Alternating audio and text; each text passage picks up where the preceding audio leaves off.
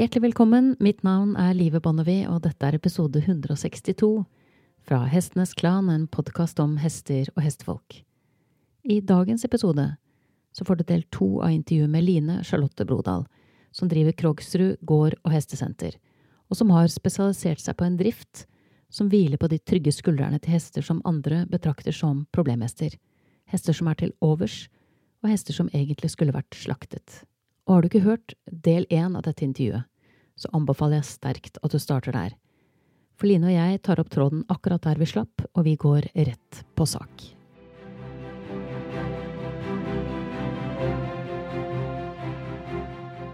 Det som på en måte blir min opplevelse både når vi gikk rundt og snakka sammen, når vi så på hestene og snakker sammen nå, det er at her kommer det både hester og folk som er i det midtre sjiktet. Mm. Det er ikke elite.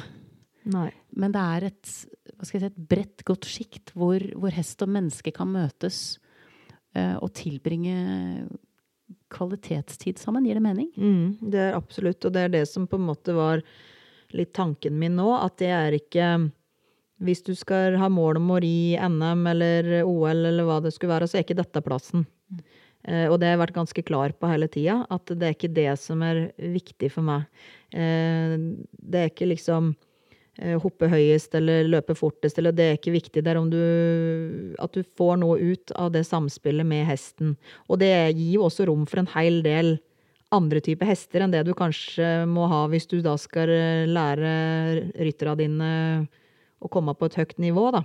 Men det som på en måte har, har vært litt sånn rart for meg, det er at eh, ridning og hest det er jo en hobby du kan ha hele livet. Altså Vi har 80-åringer vi som går her på ridefysioterapi, og vi har hatt egne seniorklubber der vi har altså Det er første gang i livet de har ridd, og de er 95 år, liksom. Og det er ikke et problem, så lenge du har leier og, og det skjer i, i, kontrollerte former. Og du kan også begynne fra du klarer å sitte sjæl.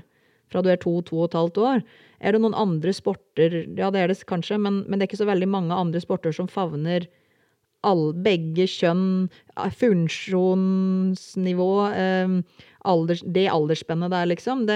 Og så er det på en måte allikevel Det har blitt så veldig prestasjonsorientert eh, i sporten, da. At du på en måte jeg tenker sånn sammenlignet med ski, da. Eh, du går sikkert på ski på vinteren, og, og går, de fleste går jo på ski om vinteren. Og de aller fleste som har nådd eh, alderen vår, skjønner at eh, NM er liksom helt utelukka. Vi, vi, kommer aldri dit. Men det går på ski for det. For det er hyggelig og koselig å finne på noe med familien og være ute i naturen. Og det samme er det med hest. Du må jo ikke konkurrere eller være elite for at det skal være nyttig for deg å ha kontakt med den hesten.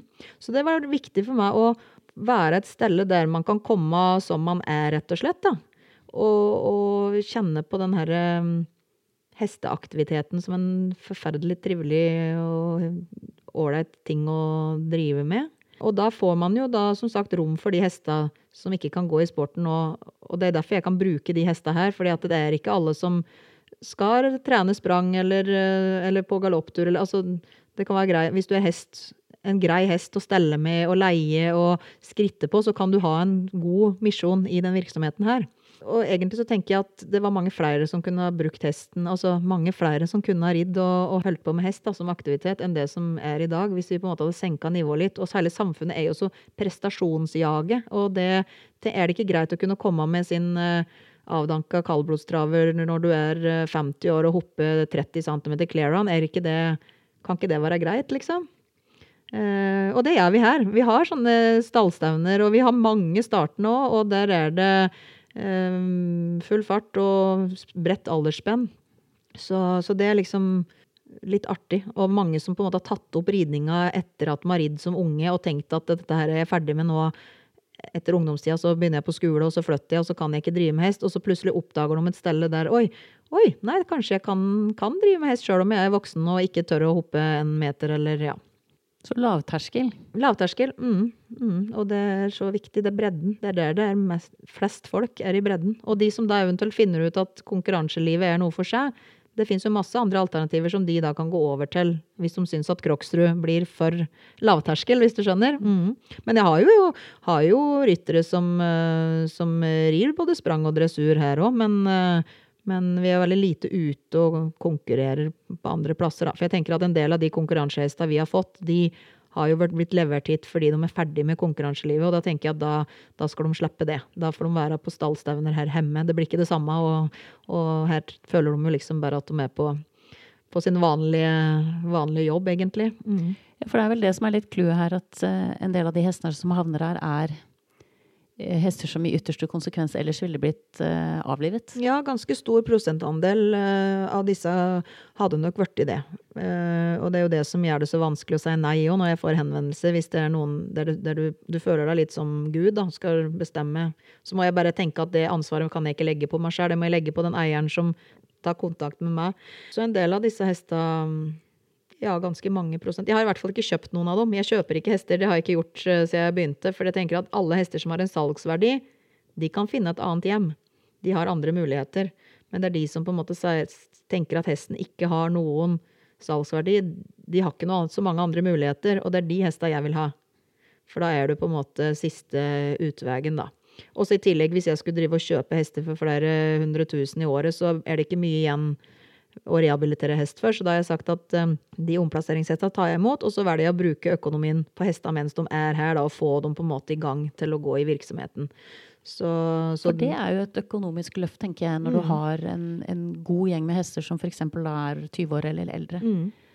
For da, da, baller det ofte på seg med, med helseutfordringer. De skal ha sitt tannstell fra tidlig av eh, mm. og gjennom hele livet. Mm. Men det blir ikke noe mindre når de blir eldre. Nei, absolutt ikke. De skal ha sitt hovstell, ikke sant. De skal ha sin Og de krever mer tilleggsfòring i kraftfòr og i det hele tatt. Det, det, og det er mye jobb, og det er ganske sånn på slutten, da, hvis man tenker på slutten av livet deres, så er det ganske sånn psykisk slitsomt for meg, og det er kanskje det verste med hele jobben. Det er psykisk slitsomt å gå og kjenne på at nå begynner slutten å nærme seg, vite at du tar rett rette tidspunktet. Angre hvis du ikke tok rette tidspunktet. Ja, så det er litt sånn det er, det er, det slitsomme med det. Men det hjelper jo å ha så mye folk inne på gården. Både til kunder og fagpersoner som kan hjelpe meg i den prosessen. da. Men til sjuende og sist er det jeg som tar avgjørelsen, så det, liksom, det, det, sliter jeg med. Og det vet jeg ikke om jeg kommer til å klare å venne meg til. Nå har jeg drevet i så mange år, og det er like forferdelig hver gang. Men nå har jeg jo sagt at de skal være her livet ut og at jeg skal være med dem når de går, så da får jeg skylde meg sjøl, egentlig. Da må det jo nesten bli slik, da. Men jeg kjenner jo litt på det de gangene vi da avliver, at uh, når jeg titter på beite og tenker å herregud, alle de andre her, skal jeg også måtte følge den veien der, da kan du bli litt ko-ko. Men uh, gudskjelov skjer det ikke samtidig, så du får puste litt imellom. Men det er jo, det er jo med gamle hester at det er mye jobb. og og vemodig når de reiser, men også kanskje litt sånn får litt borti fra skuldra, for de siste ukene er alltid ja, skal, skal ikke, går det bra, går det ikke. Du håper på at det står en hest som er plutselig er blitt ti år yngre over natta, og det skjer jo aldri. Så du, ja. Men eh, det er jo en viktig, veldig viktig del av det å vite når nukk er nukk, da. Men de blir veldig gamle. Du har blitt veldig gamle hester her, så, så vi, eh, vi, har vært heldige og vært skåne med at det har skjedd mye uhell på yngre hester, så vi har måttet tatt dem sånn brått og gærent. Da. Så det, det er bra. Men det tror jeg òg har med flokken å gjøre. At de, når de går i flokk, så er de de lærer seg å bruke huet. De padler ikke ut i et kvistkvast og knekker beina Bank i bordet, får jeg si, da, men, men, i utgangspunktet så lærer de seg Oi, her lønner det seg å gå utafor, eller her uh, Så jeg føler de er mer nedpå og mer fornuftig i alle avgjørelser de gjør, da. Uh, og det er veldig lite Veldig lite uhell sånn ellers. Det kan være noe skrubbsår innimellom, som det er på barn, alle barnehageunger som er ute og leker med kompisene sine, får det. Men det, jeg tror på de åra jeg har drevet, så tror jeg sydd Veterinær har vært her og sydd fire eller fem ganger. Tenk på det. Så mye hester, og alle i flokk. Og så lite alvorlige skader. Bank i bordet. Så det er eh, Og ett beinbrudd. Mm, men det veit vi ikke om egentlig var noe som lå latent ifra, for det så litt sånn Ja, det var ikke sånn typisk brudd som har skjedd, skjedd ute her, da. Så veterinærkostnadene har gått betraktelig ned etter at jeg begynte på denne måten, kontra de fire åra som jeg leide stall, og alle sto i mindre paddocker og i mindre flokker og ut og inn og ut og inn. Så det, det er eh, stor forskjell, altså. Mm, Hesta er freskere, rett og slett. Det er veldig interessant. Mm, det er det. det. det. visste jo ikke jeg heller når jeg begynte med dette, at det skulle bli en konsekvens av det. Men, eh, men det er det, altså. Og så går de jo alle alle uten sko når, i flokken, da. Så klart at når de leker og herjer og de hadde hatt brodder, så klart da kunne det nok ha blitt mye mer sånn uhell, uhellskader. Men de, med, de, som trenger det, går med boots da når vi har dem og rir på dem, liksom. Og så går de uten. Og da kan man jo, har man så mange, så tilrettelager man jo med strøing og og, og, tilpasser underlaget slik at det skal være for barfottest og ikke for skodde. Så, så det kan jo òg ha litt innvirkning, da. At eh, da blir det sånne overflatesår og ikke, ikke broddetråkk og mm. Så det høres ut som du på en måte prøver å etterstrebe et så naturlig flokkliv og hesteliv som mulig, mm. men at det liksom er eh, noen timer i uka hvor man er på jobb, da. Ja, og da er de på jobb. Og det er jo litt sånn det er, da. At eh, skal hesten leve i fangenskap, så er det noen hva skal jeg si, Det er noen fordeler med det. Altså, De slipper å leite etter maten, og de har beskyttelse i det hele tatt. Og så er det noen ulemper med det, og det er jo nettopp det at de skal brukes til ting de egentlig ikke er lagd for å bli brukt til. Som å trekke vogn og ha rytter på. De er ikke laga for det, det må vi aldri glemme. at det, Hvis hesten fikk bestemme, så er det lykkeligste livet å gå i en flokk på store områder og forflytte seg som villhest. Eh, og da syns jeg òg, og det pleier, bruker jeg å si til de som er her òg, at vi skal være forferdelig ydmyke for at den hesten i hele tatt lar seg fange og bli med inn dag etter dag og gjøre ting som sikkert de syns er pissi kjedelig innimellom. Jeg tror ikke at hesta Det er ikke så moro å ri volter og volter og volter eller serpentiner eller hva det er. Altså, eh, jeg tror egentlig at hvis du hadde sluppet dem løs, så hadde de nok heller gått tilbake til flokken sin og vært der. Så den ydmykheten, den må vi beholde for at den hesten faktisk gidder å henge med på alt det vi gjør, altså. For det er ikke det de er lagd for, og det er ikke det de er uh, skapt for. Og at vi da har et ansvar for å gjøre den jobben så hyggelig som mulig for hesten òg. Det er så fokus på at hesten skal gjøre alt for rytteren. ikke sant? Da, da, da, Men hva med å fokusere motsatt? Da? At vi skal gjøre alt vi kan for at den hesten skal synes at dette her samarbeidet er hyggeligst mulig. Og da innebærer ikke det tvang og, og undertrykking i hele tida. Man må tenke litt annerledes. Noe må vi jo bestemme over dem, ikke sant? Men, men prøve å ha litt medbestemmelse og la hesten ha litt identitet oppi alt, da. For det med medbestemmelse er jo et stikkord som vi også snakka om da vi var ute på beite. Altså at du brukte som eksempel en type sånn, en liten ponni som kommer hit, mm. eh, som, som, bare går og, gjør som hun får beskjed om, mm. og så plutselig en dag kanskje pusher grensene litt. Mm. Så var ikke din reaksjon 'fader, det var upraktisk', men du tenkte det er bra? Det er veldig bra å få litt sånn eh, Jeg syns jo det er veldig ålreit at de ikke går og slenger av folk hele tida, det må jeg si. Men eh, vi må tenke på det at hesten prater jo med kroppsspråket sitt. Og når en hest har begynt å slenge av folk, så er ikke det det første hintet du har fått om at ting er ubehagelig. Da har den prøvd å prate ganske lenge før han begynner å slenge av folk. Så jeg tenker at uh, det at hesten da plutselig snur og går motsatt vei på en ridebane, f.eks., hvis dette har vært en sånn herre eh, arbeidshest, bokstavelig talt, som bare har gått runde på runde og latt alle liksom gjøre som de vil, plutselig en dag snur og sier at nei, jeg vil ikke gå den veien, jeg vil gå denne veien, og liksom er litt sånn bøllete, hvis man kan kalle det det, så er det egentlig en positiv ting, for da, da har den kommet til Kroksrud og skjønt at oi, nei, men her har jeg faktisk noen valgmuligheter i livet. Jeg må ikke gå rundt og rundt og rundt og rundt hvis den rytteren er urettferdig da trenger ikke jeg å, å, gjøre det lenger. Da har jeg faktisk muligheten til å snu og gå andre veien. Og selvfølgelig vil jeg korrigere den hesten da med kroppsspråket mitt og si nei, du vet du hva, du skal gå til venstre, liksom. Og så får vi en liten diskusjon på det, og den skjønner jo det, så den snur jo og går til venstre igjen. Men, men bare det at den på en måte kommer med noen ønsker til meg da, og viser at hallo, nå vil jeg gå til høyre i stedet. Da, da viser at det er litt liv inni der, og det er litt egen bestemmelse. Og det er jo superviktig i flokken at de får ut den derre eh, sjøltilliten og det her egoet um, sitt, da. Mm. Jeg har også veldig lyst til å snakke med deg om de minste ponniene. Mm. Fordi det er uh, de hestene som Eller ja, det er de hestene som oftest bytter eier fordi mm. eieren blir for stor. Mm.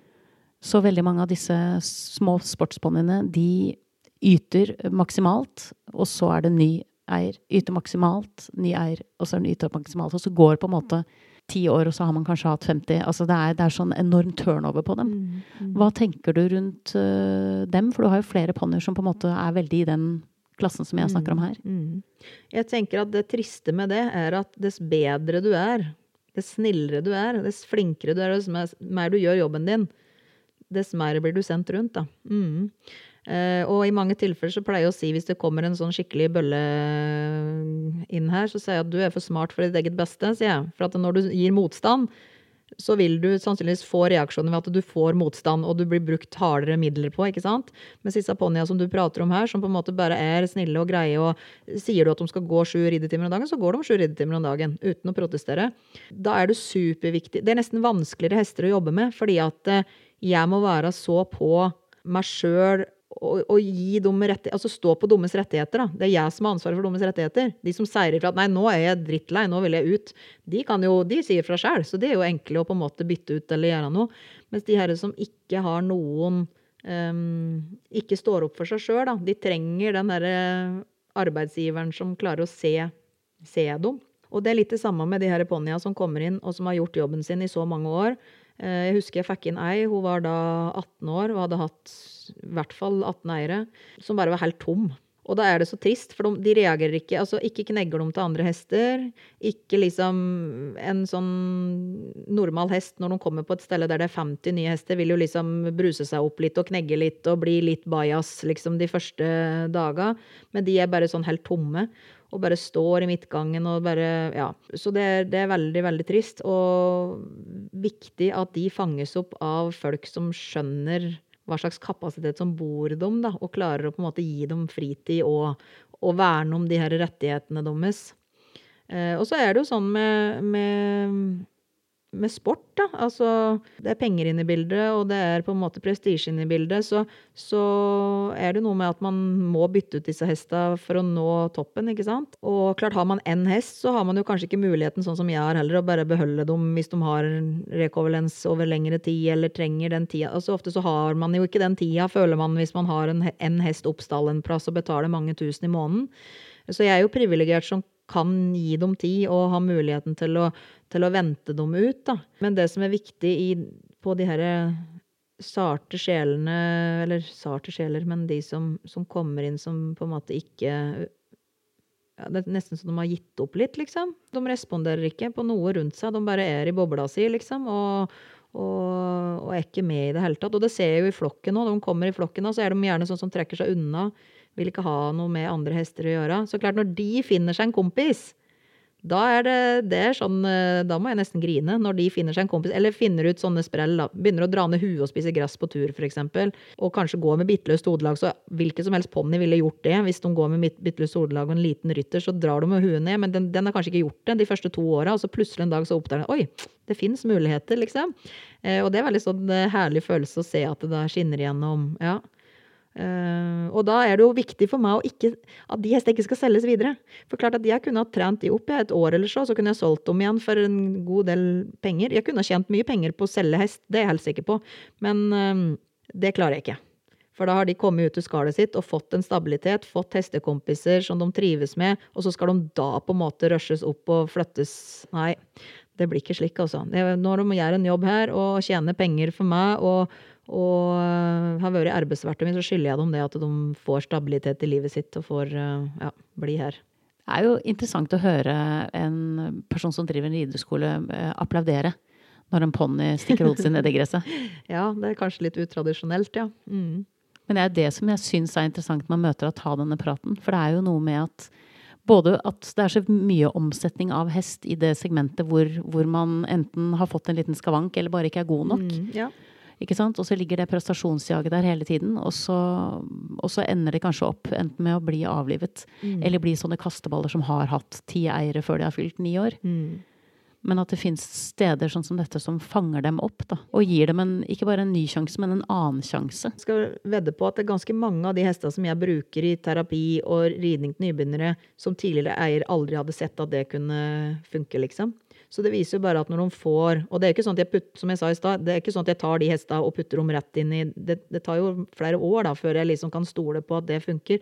Men, eh, men det viser jo bare hva flokk og stabilitet. Og klart, kjøper du hest, da, og så hvor lenge skal du vente, liksom? Eh, de fleste vil jo prøve i første dagen, vil komme i gang med en gang. Så tror jeg at hvis man hadde hatt is i magen og latt den hesten lande, blitt kjent med omgivelsene, i det hele tatt, så kunne det ha funka med en hest du føler det ikke funker med, for man har rusha det for tidlig.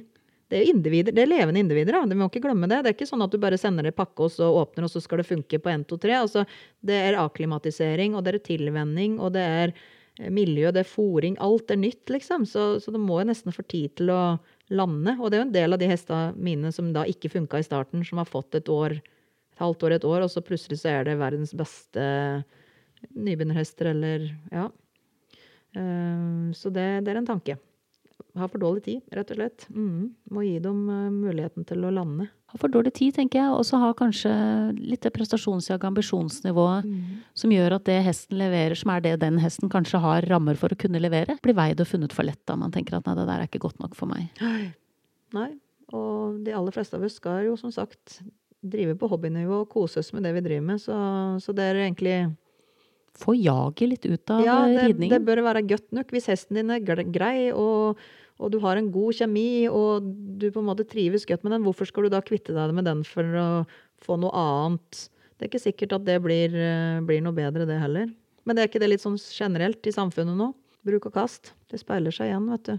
Da er det fint at det er noen som resirkulerer, tar vare på. Ja, det er kanskje det det, det heter, resirkulering av hest. Det hadde i hvert fall hett det hvis du på en måte sirkulerte dem tilbake i samfunnet. Ja, det er sant. det er sant. Men det er klart, jeg har jo også en, eh, et ansvar. Jeg tenker Hvis jeg får inn en hest som er aggressiv, da, for det har jeg fått noen ganger, eh, og så klarer man altså Aggressiv på boks for eksempel, er jo ingen problem, for at de, står ikke på boks så sant de ikke er syke eller gamle eller trenger det, så, så har de ikke noe bokseliv hos meg.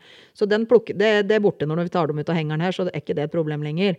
Men så kan du ha andre som er, som er aggressive på andre måter. Og klart at eh, hvis jeg trener opp de, finner rammer som gjør at de kan funke her, og så skal jeg selge dem etter fem år, da, så veit man aldri når noen plukker fram det der i ryggsekken som gjør at det blir en farlig hest. Så det er jo et ansvar, det òg. Og ikke bare selge det på åpne marked og håpe at det går bra, liksom. Så, så derfor har jeg tenkt at nei, vet du hva, de blir, blir her, og så er det, er det slik det er.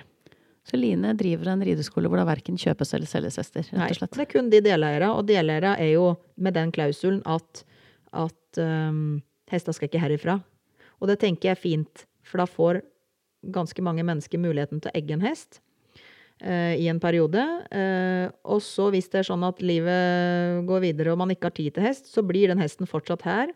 Så sjøl om deleieren blir ny, da, så er hestevennene de samme, omgivelsene er de samme, eh, rutinene er de samme. Så klart at påvirkninga på den hesten blir ikke så stor som om man skulle bli solgt og flytta seg, da. Da er det fortsatt eh, ganske stor prosent av livet stabilt, sjøl om du bytter, bytter deleier. Mm. Jeg tror den stabiliteten og den tryggheten og det å gi det tid, som du snakker om, det er, eh, det er noe vi ofte tar for lett på. Ja, vi tenker det jo med, med unger, og vi tenker det jo med til dels hunder. Altså, hadde, du, hadde en hund vært omplassert eh, tolv ganger i løpet av livet sitt, det hadde jo aldri skjedd, det. Så der er det liksom Men hesten, den skal ta det. Den skal tåle det. Mm. Så er en, en hund omplassert tre ganger, så tenker du 'å, stakkars hund'. Men hesten Og den har hatt 19 Jeg hadde ei sprangponni som var, eh, hun var 19 år da jeg fikk. Hadde 20 hjem på 19 år, og det var liksom helt greit. Det var ikke greit for hesten, for den var ikke i vater når den kom inn her. Den var stressa og, og litt sånn avkobla, som vi, vi prata om. Så, så vi må på en måte um, lære oss Og så er det liksom sånn litt sånn forunderlig når det kommer noen og vil gi meg en hest som er veldig vanskelig å ri og håndtere, da. Mm, den har de prøvd alt med, og det funker ikke. Og hesten er altså oppunder taklampa. Jeg ville ikke leie den sjæl engang.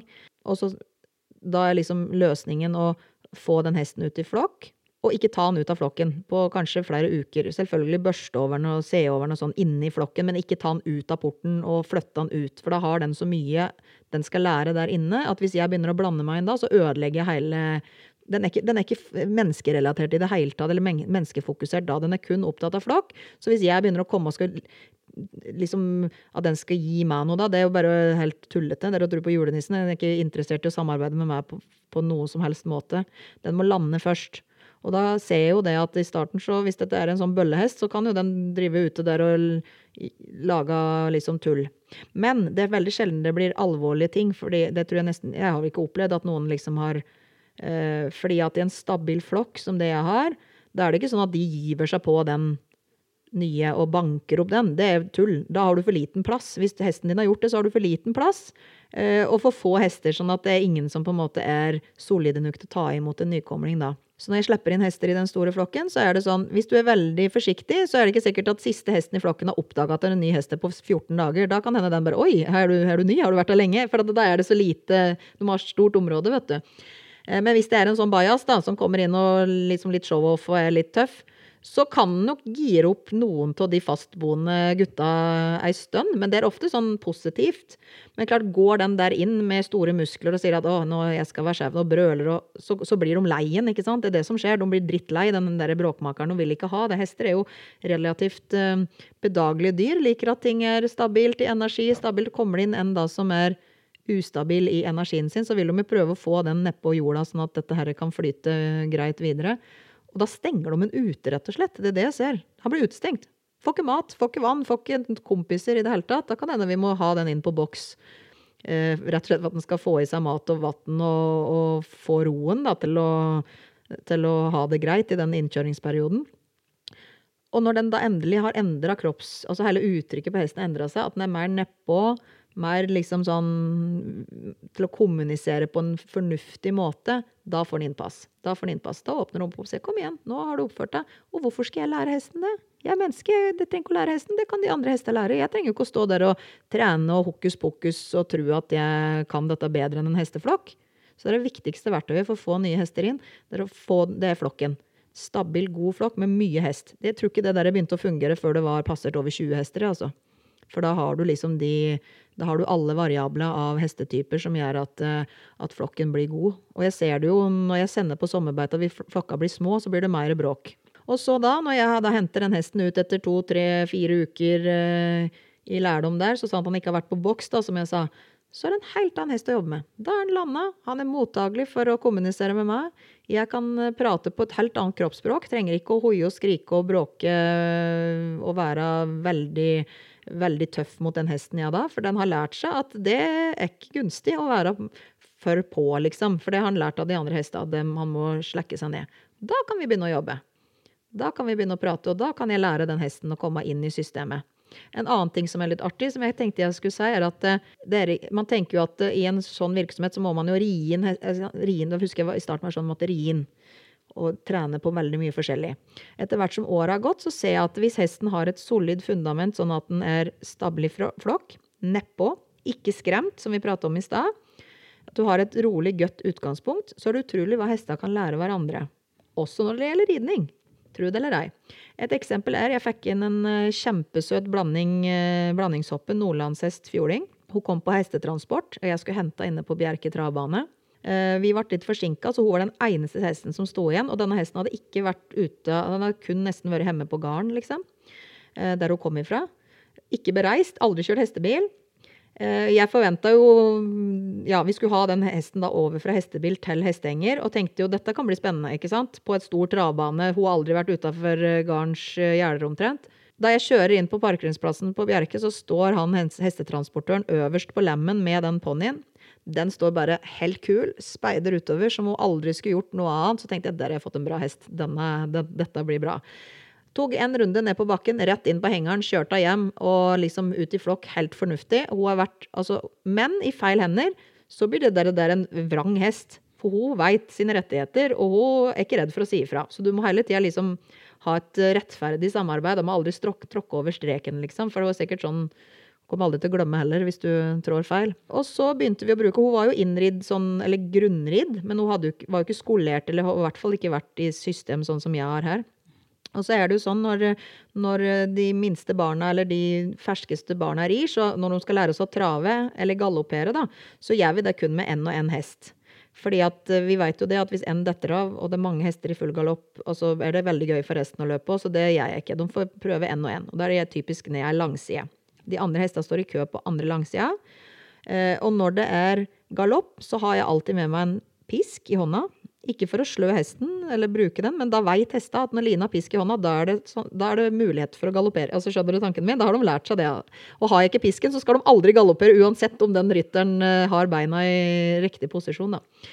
Og så hadde jo da Sita, da, som denne hesten her heter, hun, jo, hun hadde jo ikke lært så fælt galoppfatning, så jeg maste ikke med det. Så ofte så var det den rytteren som ikke ville galoppere, som da hadde hun typisk. Og hun hadde jo trava ned, og da alltid så er det galoppfatning i hjørnet. Og så sier jeg som instruktør på midten galopp, det har vi lært om til. Rytteren legger beina til, og så er det galopp ned langsida. Og så bremser de da når langsida er ferdig, og så tusler de bak i køen.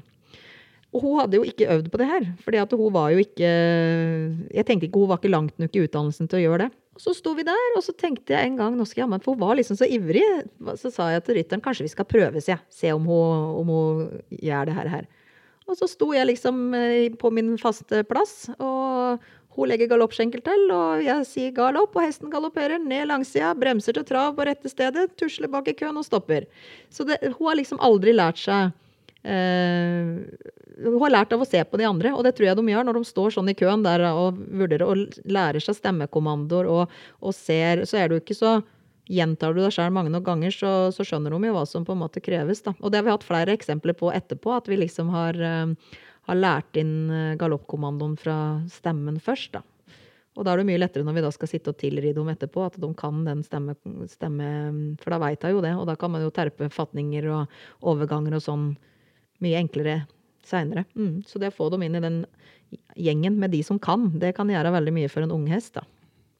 Ja, tenker jeg også ha det som du beskriver deg som. Altså den, den lederen eh, av stedet som, som, lager en sikker og trygg, forutsigbar ramme. Mm, mm. Eh, og som er en de kanskje føler også at det går an å lene seg til, som ikke gir etter på feil sted. Mm. Altså at, at, du faktisk, at, du faktisk, har taket på det hele. Ja, jeg håper det. At det liksom Og jeg tror det har litt sammenheng med når jeg eier plassen. Du kan le sikkert av det, men når jeg eier plassen, så veit jo jeg at alt som skjer her, det jo, bestemmer jo jeg. Da er det lettere å stå i det òg, og på en måte stråle det ut, enn om du er på en leid plass der du er usikker at noen plutselig kommer og overstyrer, eller dette ikke var riktig, eller du kanskje jobber eh, under noen, ikke sant. Altså, eh, så lenge jeg på en måte er øverste sjefen her og, og, bestemmer det som skal skje, så er det nok lettere for meg å stå i de avgjørelsene som gjør at hesta da kan stole på det, tror jeg. da. For den minste lille tvil, veit du, så gjennomskuer de den, og da, da, er det ikke så lett å få det til å, til å funke. Så at jeg gjør alt rett, det, det er absolutt ikke tilfellet. Men jeg gjør det som er rett for meg, og når jeg da på en måte gjør de avgjørelsene som er rett for meg, så klarer jeg å stå i dem, og da stoler hesta på at det, det, er rett, da. Det har vært veldig hyggelig å gå rundt og se disse flokkene med den roen og den samkjørte energien som man bare får hvis en flokk er stabil. Mm, mm. Det ser man jo veldig stor forskjell på, egentlig. Så jeg, jeg syns det var veldig hyggelig å se. Det er det jeg husker fra da jeg var her sist òg. Mm. At det er, liksom, det, er en, det er en gjeng som, som, har på en måte skjønt hva er min plass i dette. Mm. Eh, hva er dette? Eh, og trives i dette, hvis det gir mening. Jeg har fått veldig mye tilbakemelding på av de som kommer på kurs og at de blir overraska over at hester er så rolige på ridetimene òg. Eh, at de på en måte, det, det, er veldig lite hopp og sprett og sprell og kaste av. Og, og hvis noen detter av her, så er det nesten så alle får hjerteinfarkt, for det skjer ganske sjeldent, da.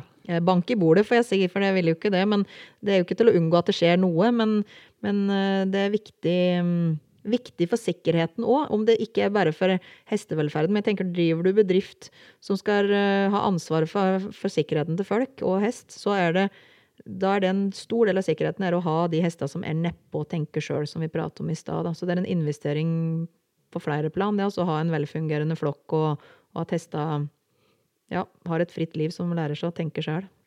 Tusen hjertelig takk for praten, Line. Jo, det var bare kjempekoselig. Ja, det var veldig morsomt å få um, mer innsikt i, um, i hvordan du gjør det, rett og slett. Siden du gjør det såpass uh, I hvert fall sammenlignet med de andre rideskolene som jeg har vært og besøkt, så er dette Kjennes rart ut å kalle det rideskole, for den er veldig annerledes.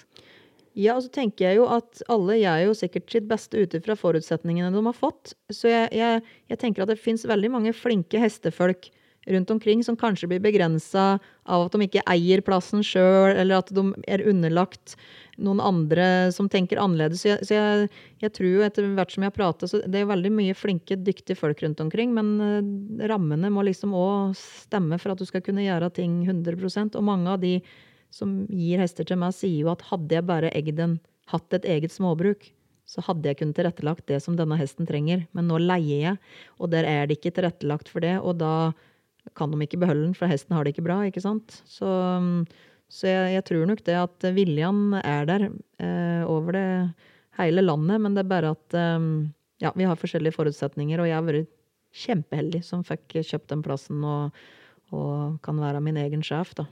Strålende. Takk skal du ha. I like måte. Du har nettopp hørt episode 162 fra Hestenes Klan, en podkast om hester og hestefolk.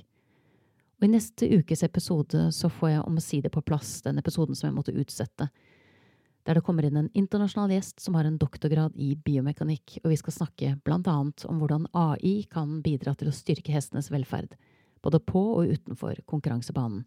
Definitivt en meget interessant episode, så det er bare å glede seg. Da gjenstår det bare for meg å takke min faste komponist Fredrik Blom, designeren av podkastens visuelle profil Ove Hals, og jeg vil takke min gjest Line Slåtte Brodal, og sist, men ikke minst vil jeg som alltid takke deg, kjære lytter, for tålmodigheten. Måtte hesten for alltid være med deg.